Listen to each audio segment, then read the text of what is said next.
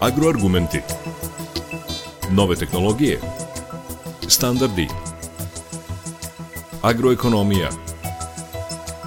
Ruralni razvoj. Projekti. Investicije. Preduzetništvo. Biljna proizvodnja. Stočarstvo. Agroargumenti. Uređuje Stevan Davidović.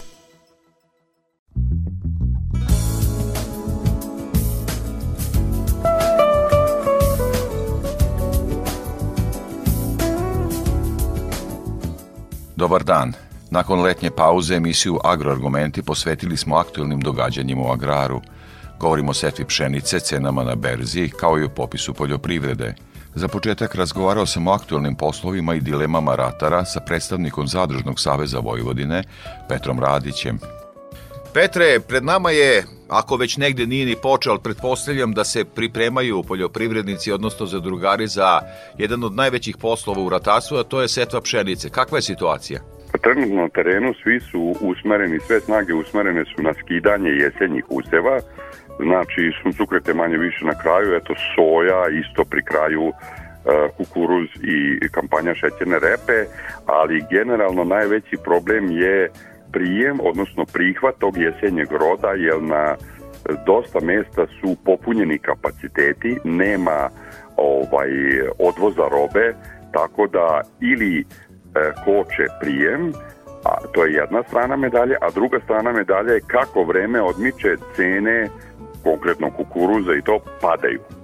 Tako da poljoprivrednici su sad onako u panici da li da skidaju pa da im se odbije veća vlaga ili da ovaj ili da čekaju da imaju manje vlage, vlage ali će im cena ovaj, robe biti niža. I vrlo su to onako zbunjeni i ne znaju šta da rade.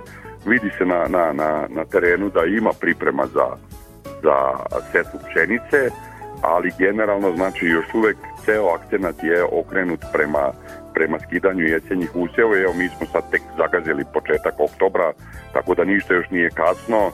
Vidjet ćemo kakav će biti ovaj kakav će biti odziv što se tiče same setve merkativne pšenice. Generalno mislim da glavni problem je sad šta sejati. Ljudi ne znaju šta da seju zato što su cene dosta ovaj deprimirajuće i Kakvi su agroekološki uslovi generalno? Zemljište je bilo dosta suvo, ali ovaj, imali smo sad eto pre nekih nedeljak dana neke lepe kiša gde je bilo 30, 50, 60 ili više litara. Popravili su se, da kažem, vlaga zemljišta. Eto sad samo čeka se da se skine taj predusev, verovatno neki, jel da, jari ovogodišnji, da se obavi priprema i da se ovaj teško, ali možda neko i razbaci mineralno đubrivo imajući u vidu cene i eto da se poseje pšenica. Samo da još malo ostanemo kod ekonomije.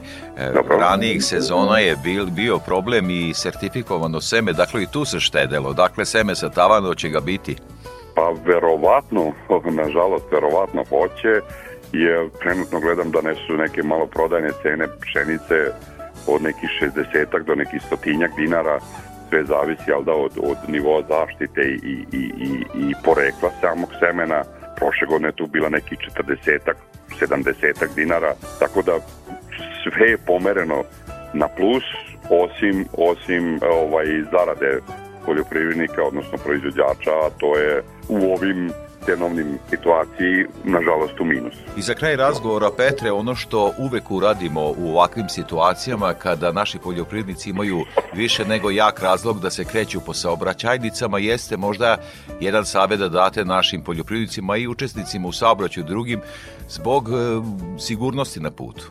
Znači, molim e, sve učesnike u saobraćaju da obrate pažnju na tu poljoprivrednu mehanizaciju srećom, pa su još uvek uslovi zadovoljavajući u smislu nisu krenule kiše, nisu krenule magle ove jesenje, još uvek je to lepo, toplo vreme i poljoprivrednici sad žure, ne, neredko su tu nažalost zakačane i dve, pa i tri prikolice prazne, ali da kad, kad vuku treba svu tu robu sad u, u, pokupiti i prevesti je negde i istovariti je negde i žuriti ponovo na njivu da se obsluži kombajn u toj logistici tom logističnom transportu i imajte u vidu eto još nekih sledećih možda mesec dana najviše na, na putevima kod nas ovde u Vojvodini će biti gužve, ali će biti u svakom slučaju još gore kad krenu i kiše, kad krene i blato da se iznosi na puteve, onda će biti još gore. Ovo su, da kažem, još uvek koliko toliko idealni uslovi, jer eto, iako je početak oktobra, mi smo još uvek u kratkim rukavima i generalno je dobro što se tiče samih uslova na putu. Znači dobro osvetljenje, rotacija... Do, dobro osvetljenje, rotacija i koncentrisana vožnja. Petar Radić, Zadruženi savez Vojvodine. Veliko hvala Petre za ovaj razgovor i učešće u programu Radio Novog Sada. Evo hvala i vama i pozdrav slušalcima Radio Novog Sada.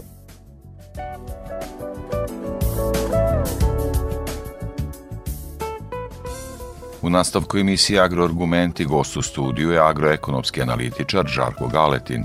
Evo gospodine Galetin, čuli smo u razgovoru sa Petrom Radićem kako je stanje kada je reč o setvi pšenice, odnosno kako je raspoloženje za drugara i kakva je situacija na terenu. Pa možda da krenemo od toga koliko očekujete da će biti pod pšenicom ove godine kada su površine u pitanju? To je dilema koju, koja će se rešiti naravno kad se završi setva koliko će biti set, pod, pod kojim površinama ćemo ove godine imati pšenicu Podsećenja radi prošle godine je to bila jedna rekordna površina od oko 700.000 hektara površina koja je možda čak istorijska najveći što se tiče Srbije pod, pod pšenicom i to je bio direktan odgovor na tržišnu poziciju pšenice u to vreme. Prošle godine je ona prvo imala do, relativno dobar prinos za razliku od kukuruza i soje i donekle suncokreta, sa druge strane tržišni uslovi su bili mnogo povoljni i to je direktno uticalo na odluku poljoprivrednih proizvođača o tome, o setvenoj strukturi i to je dakle uticalo na to da smo imali prošle godine 700.000 hektara. Okolnosti su se drastično promenile samo za godinu dana, sada imamo praktično cenu koja je malte ne duplo niže nego prošle godine i e, Ja verujem da će to bitno uticati na, na poljoprivredne proizvođače, da ove godine zaseju nešto manje pšenice, koliko će to manje biti vidjet ćemo, ali ja lično ne očekujem da će biti više od 6, između 550 i maksimalno 600 hiljada hektara što će dakle biti pad nekih 15, možda čak i 20% u odnosu na prošlu godinu. E, pri čemu treba napomenuti da ni ostale poljoprivredne kulture ne kotiraju dobro na što se tiče samih cena, ali verovatno će se nešto i promenuti u nekom narednom periodu, ja čak verujem i da hoće, uh, i koliko će to uticati posle na setvenu strukturu tih uh, prolećnih kultura, okopavina takozvanih, pre svega mislim dakle na kukuruz, soju, suncokret i šećernu repu, Vidjet ćemo, ali u svakom slučaju u ovom trenutku mislim da raspoloženje poljoprivrednih proizvođača nije, ne znam, na kako visokom nivou što se tiče same pšenice. I odmah tu čuli smo ovde od Petra Radića da će se štedeti na đubrivima, dakle na proizvodnji. Vaša procena koliko će biti, da kažem, posvećena pažnja tom aspektu? To je generalno problem što se tiče pšenice. Mi godinama pšenica, pšenici ne pristupamo sa dovoljno agrotehnikom i, i sa dovoljno pažnje kao što je to recimo slučaj sa ostalim poljoprivrednim kulturama. Uvek se nekako gleda da se uštedi na pšenici. Pšenica jeste ekstenzivna kultura i za njen uzgoj nije potrebno toliko velika ulaganja kao što je to kod ostalih kultura, ali i dalje ko hoće da ima dobar prinos, on mora imati i ozbiljne ulaganja. Pre svega mislim na sertifikovano seme, a, potom na upotrebu mineralnih đubriva i naravno zaštitu koja zavisi od godine, prošle, ovu godinu praktično, a, da ne kažem prošlu godinu, prošlu ekonomsku godinu, a, mi smo imali problem sa pšenicom da smo morali, da je, da, da je moralo da ima čak i recimo tri tretmana hemijska, s obzirom na, na te agrometeorološke uslove koje smo imali, Međutim, ove godine istini za volju džubriva su nešto jeftinija nego što je to bilo prošle godine.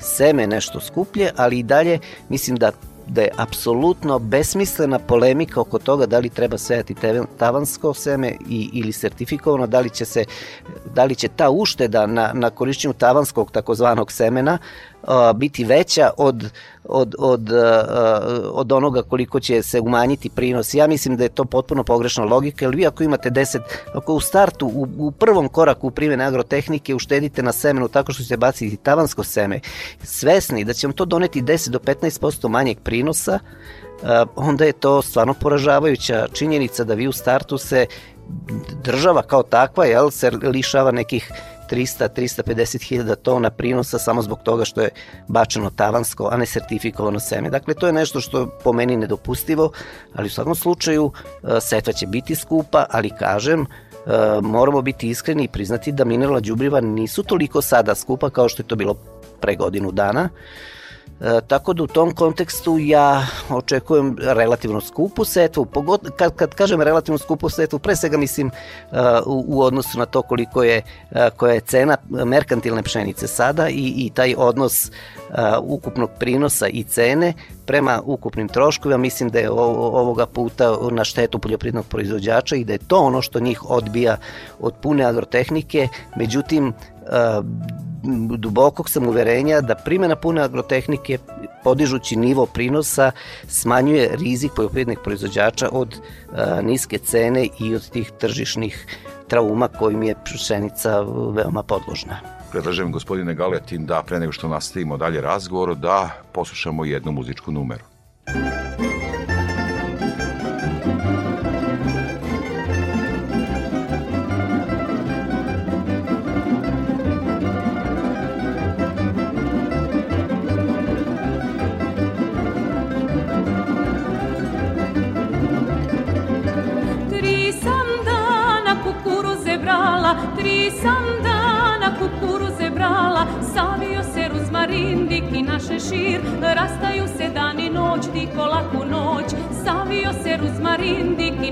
šešir Rastaju se dan i noć, diko laku noć.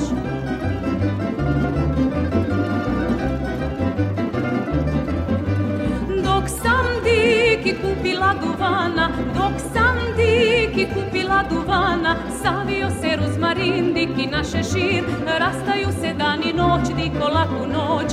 Savio se ruzmarin, diki na šešir Rastaju se dan i noć, diko laku noć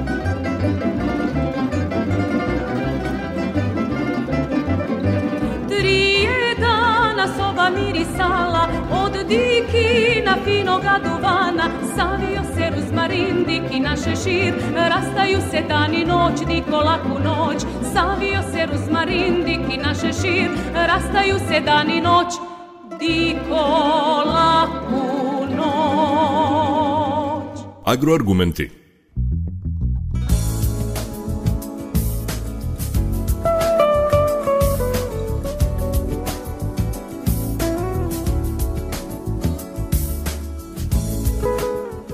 Gospodine Galetin, e, čuli smo ovde u, u, u izjavi Petra Radića i da mnogi poljoprivrednici imaju dilemu šta sa kukuruzom. Dakle, e, vlaga, da li da se osuši prirodno, sa druge strane cena pada na berzi, šta sa kukuruzom, šta sa letinom i drugi je problem, naravno, skladišni kapaciteti. Vaš komentar za to i kako to rešiti? Vrlo nezavidna situacija. Mi imamo, ušli smo u novu ekonomsku godinu, pre svega sa velikim zalihama pšenice. Govorimo o pšenici sada u kontekstu skladišnih kapaciteta i mogućnosti naših skladištara da zaprime svu robu na svoje skladišta.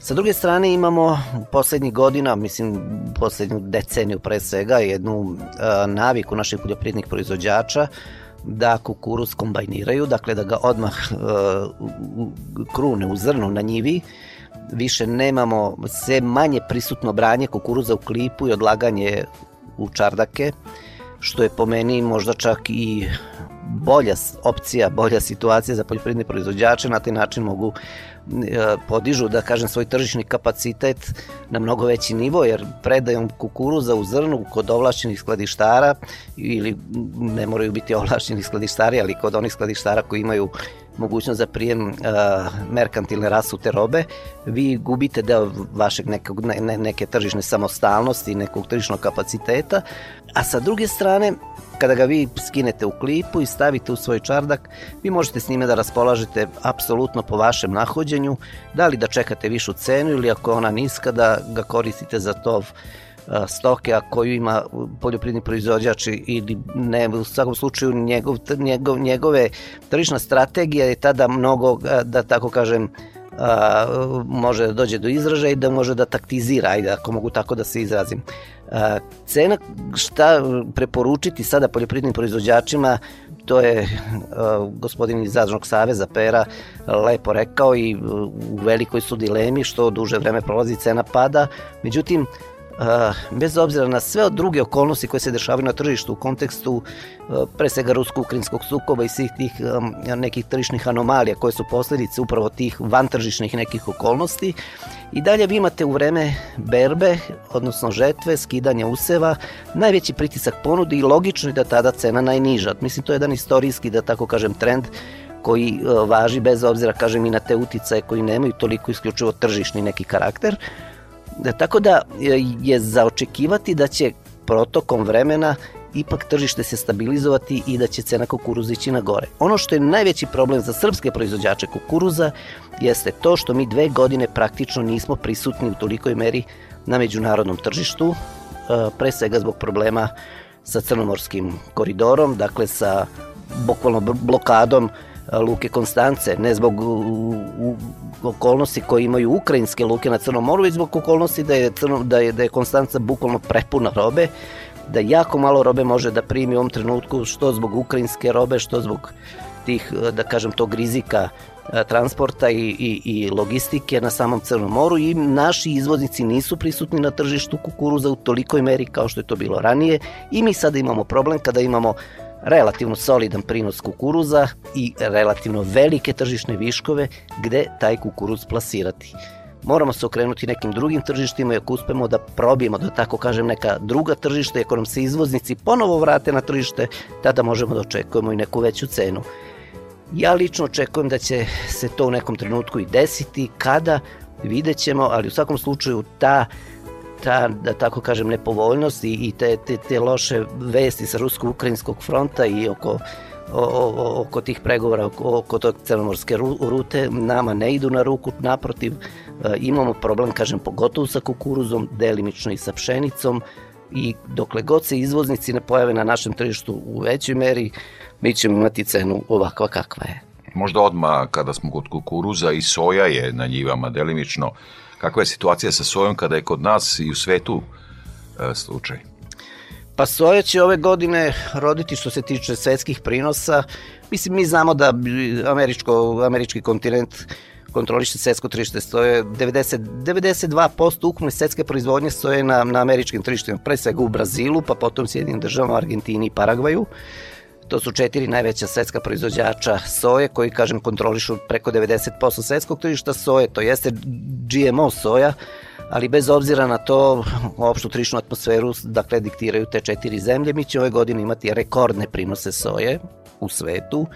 Naravno da i potrošnja, nivo e, potrošnje se podiže, ali ne u tolikoj meri kao što ćemo imati ove godine veliku proizvodnju soje, tako da svetske okolnosti na svetskom tržištu bojim se da neće ići na ruku našim proizvođačima soje i da bismo možda trebali da budemo zadovoljni ako cena soje pređe tu negde 450 evra po toni u, u, u špicu neke, neke svoje, nekom svom piku cenovnom, mislim da bi to u ovom trenutku bila dobra vez za naše poljoprivredne proizvođače. Znamo da je soja imala cenu i preko 80 dinara pre samo godinu, godinu i po dana. Mislim da o tome više ne možemo da razmišljamo i nažalost bojim se da da, da tu neće biti dobre matematike. Predlažem gospodine Galetin i narednih 2-3 minuta da provedemo uz muziku pa da nastavimo razgovor.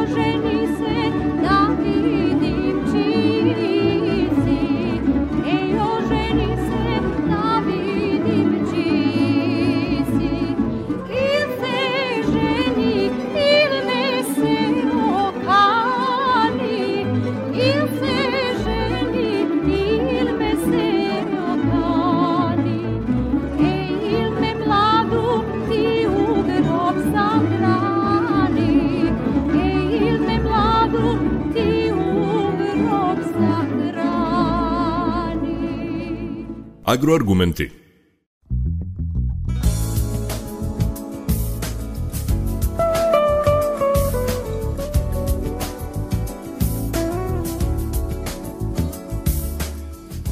Evo, pomenuli ste cenu soje.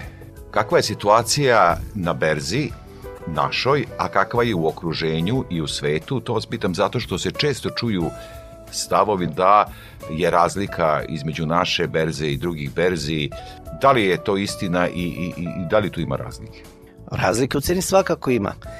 Vi kad gledate saopštenja uh, sa recimo tržišne informacije, da li koristite medij produktnu berzu Novi Sad ili Ministarstvo poljoprivrede ili bilo koji drugi i objavlja se cena recimo cena na berzi u Čikagu, cena na berzi u Budimpešti koja je nama još i bliža cena u Parizu, koje su tradicionalne najviše cene od svih berzanskih, od svih ostalih berzi. I onda konstatujete da su cene na tim berzama recimo mnogo veće nego cena kod nas. Ja moram ovde da, da razbijem poljoprivrednim proizvođačima neku zabludu. Tržišta i berzanske cene treba bez pocenjivanja, ali treba znati čitati. Dakle, to su terminske cene, ta tržišta Budimpešta, Pariz, Chicago, koje što, što mi gledamo, Minneapolis. To su terminske berze, dakle to su futures cene takozvane. Na tim berzama se trguje marginama, dakle vi položite tek neki 10% vrednosti od osnovne od vrednosti osnovne aktive koja leži u podlazi tog futures ugovora i tim marginama praktično vi trgujete na tržištu. Vi jeste dužni da po isteku termina koji je, na koji glasi taj futures ugovor da robu preuzmete ili da prodate, zavisi na kojoj ste poziciji u punom iznosu, u vrednosti punog, pune vrednosti aktive. Međutim, manje više ti se ugovori uh, kada dođe vreme isteka tog ugovora zatvaraju sa kontrapozicijama, da sada ne ulazimo u dubinu materije, ali u svakom slučaju to, to, te cene jesu indikativne, ali nisu u datom momentu uporedive. Jer vi kad kažete cena na berzi je, recimo mi danas imamo cenu pšenice koja je negde oko 20 dinara ili oko 170 evra za tonu, A recimo istovremeno imate na CBOT u, u, u, u Njujorku 199, praktično 200 dolara za tonu, uh, u Parizu to je 235 evra za tonu, dakle jedna velika razlika, ali kažem to je cena nekog futuresa sa dospećem u nekom novembru ili decembru mesecu i usput naše cene su cene na paritetu franko prodavac utovareno u vozilo kupca Ovo su cene ili FOB ili CIF cene. Šta to znači? Znači da su to cene uto, cena utovarena preko brodske oplate sa plaćenom carinom i troškovima utovara i istovara što je velika razlika. Razlika na paritetu recimo Dunavska luka kod nas utovar u Novom Sadu i cena na paritetu recimo u nekom mestu u, ovaj, gde proizvođač prodao, dakle proizvođač prodaje svoju robu, razlike su velike, 10 do 15% je tu razlika, tako da puno tu faktora ima koji nas navode da to, na to da mi ne možemo stavljati direktnu, u direktan odnos cenu na našem tržištu i cenu sa terminskih berzi koje se često koriste u argumentima naših poljoprivrednih proizvođača, pa kada kažu da je cena kod nas nešto niža. Ona realno može biti niža od cene na spot tržištu u, u Hrvatskoj, u Mađarskoj i tako dalje u nekom trenutku, ali to su spot, dakle cene, ne terminske cene i to treba porediti. Ko dođe do takvog podatka, tada on može da koristi to kao argument i da se pita zašto su cene kod nas toliko niske. Da li naši poljoprivrednici, osim što prate izveštaje, imaju neku pomoć, servis na berzi kako bi im pomogli kod tog trgovanja? Svakako imaju berze, poslednjih godina učinila značajne korake u uh, tom tehnološkom smislu u poboljšanju uh, svog info, info usluga infocentra i a, kada se ulogujete na sajt berze i čak i ako niste članovi berze, vi ćete dobiti masu podataka koji vama mogu mnogo toga da da pruže kao informaciju. Tu su čak i linkovi tih, ajde malo pre što smo spomenuli, tih uh, svetskih terminskih berzi koje, ponovit ću, dakle, cene neposredno nisu uporedive, ali su cene vrlo indikativne i vi kad pogledate šta se dešava na tim svetskim berzama, možete da donesete neki zaključak i da, da napravite, što se ono kaže, anticipaciju i predviđenja šta se desiti i na našem tržištu. Dakle, mnogo toga ima na tom sajtu, produktne berze i pogotovo uslužni deo koji pre svega namenjeni i članovima, da možete da imate, što se ono kaže, online komunikaciju sa dešavanjima na tom, kako se kolokvilno kaže, berzanskom parketu, jel, direktno na berzanskom trgovanju, da dobijate aktualne cene u realnom vremenu. S jedne strane i sa druge strane možete da uđete i u analitiku i da vidite ko, ko, kakve su cene bile pre nedelju dana, pre mesec dana, kakve su cene bile u žetvi, pa da, da, hvat, da, da, da pokušate da uhvatite neke korelacije i neke relacije na koje će vam pomoći da, da napravite tu uh, to neko tržišno predviđanje. I na kraju krajeva uh, Na produktnoj berzi rade brokeri koji imaju neko dugogodišnje iskustvo i koji otprilike i znaju um, šta se trenutno dešava na tržištu, zbog čega je cena pala, zašto je cena ili otišla gore i zbog čega se dešavaju te stvari koje se dešavaju. Možete kontaktirati i, i, i, i call centar, dakle i info službu na produktnoj berzi i veoma je važno da imamo produktnu berzu i da je da podižemo njene kapacitete i da, kako bih rekao, da i svi mi iz stručne javnosti i poljoprivredni proizvođači a, drže do produktne berze iz Sada koja ima dugu tradiciju i koja i dalje nego i baštini, da tako kažem, sve e, e, stekovine a, berzanske trgovine kod nas, jer to je jedina prava robna berza u Srbiji i jedini pravi realan podatak koji ćete dobiti sa tržišta jeste podatak sa produktne berze u Novom Sadu i zbog toga preporučio bih svih naš, svim našim poljoprivrednim proizvođačima da koriste taj resurs i da koriste produktnu berzu iz Novog Sada kao jedan dobar izvor informacija, ne samo o trenutnim cenama, već eventualno o tome šta bi mogli eventualno da očekivaju nešto, da očekuju u nekom narednom periodu oko toga šta će se desiti na tržištu i kakva su tržišna pomeranja. I za kraj razgovor, gospodine Galetin, ostaje nam aktuelni popis poljoprivrede koliko je to značajno i bitno za naš agrar? Popis poljoprivrede ove godine, ja bih ga nazvao najvažnijim poslom koji, ko, ko, koji treba da obavimo što se same poljoprivrede tiče. Pre ovoga imali smo popis 2012. godine, a pre toga čak 1960. godine i vi da biste napravili jedan, jednu dobru, primenljivu svrsishodnu pravu, koncipirali pravu agrarnu politiku, vi morate znati s kakvim čime raspolažete, kakav je, da tako kažem, imovinska karta naše poljoprivrede, a to ćete dobiti putem popisa.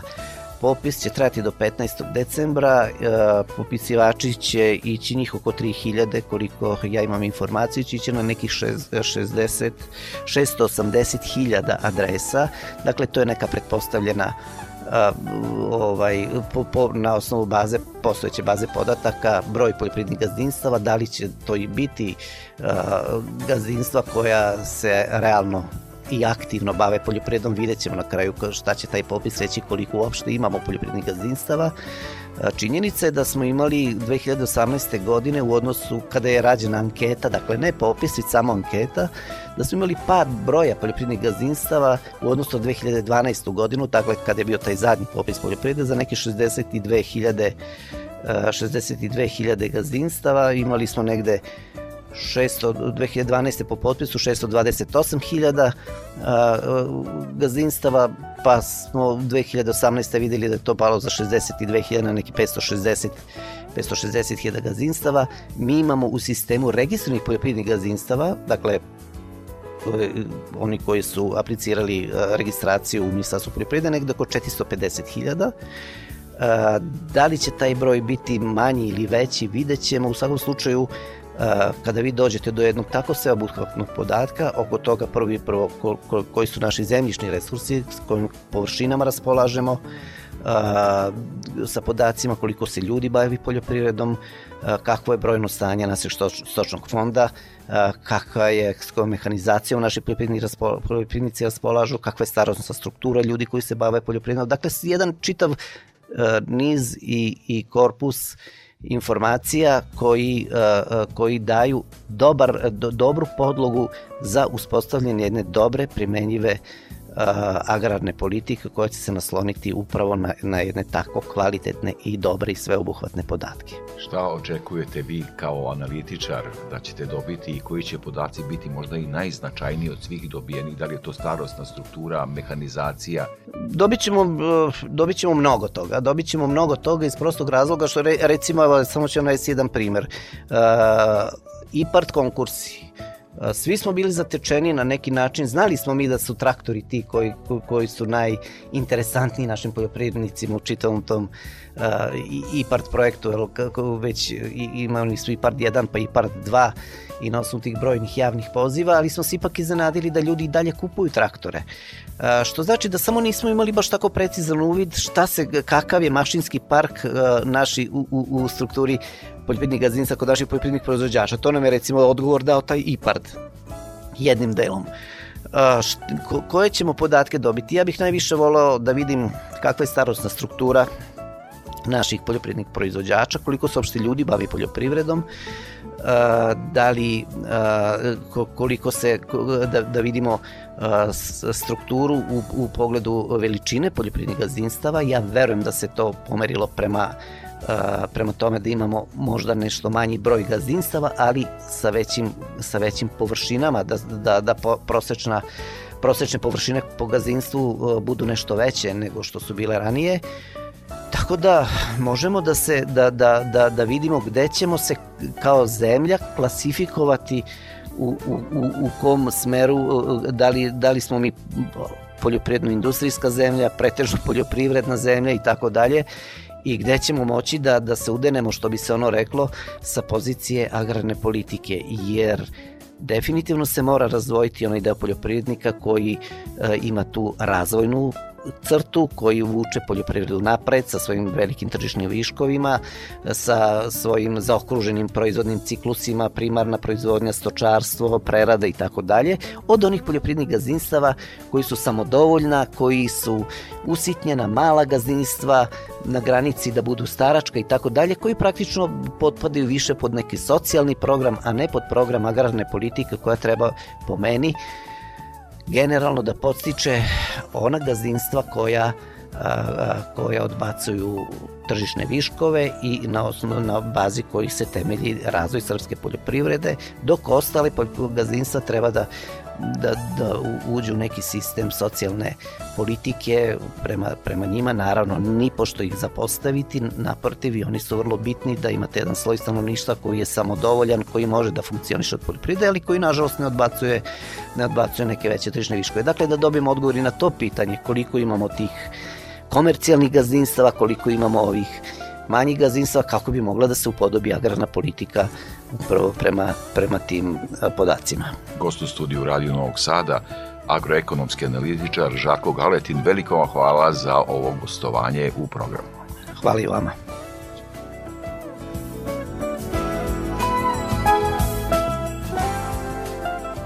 Slušali ste agroargumente, govorili smo o setvi pšenice, cenama na berzi, kao i popisu poljoprivrede. Emisiju montirala Marica Jung. Pozdravlja vas urednik i voditelj Stevan Davidović. Možete nas slušati na portalu radiotelevizije Vojvodine na adresi rtv.rs. Ostanite uz naš program.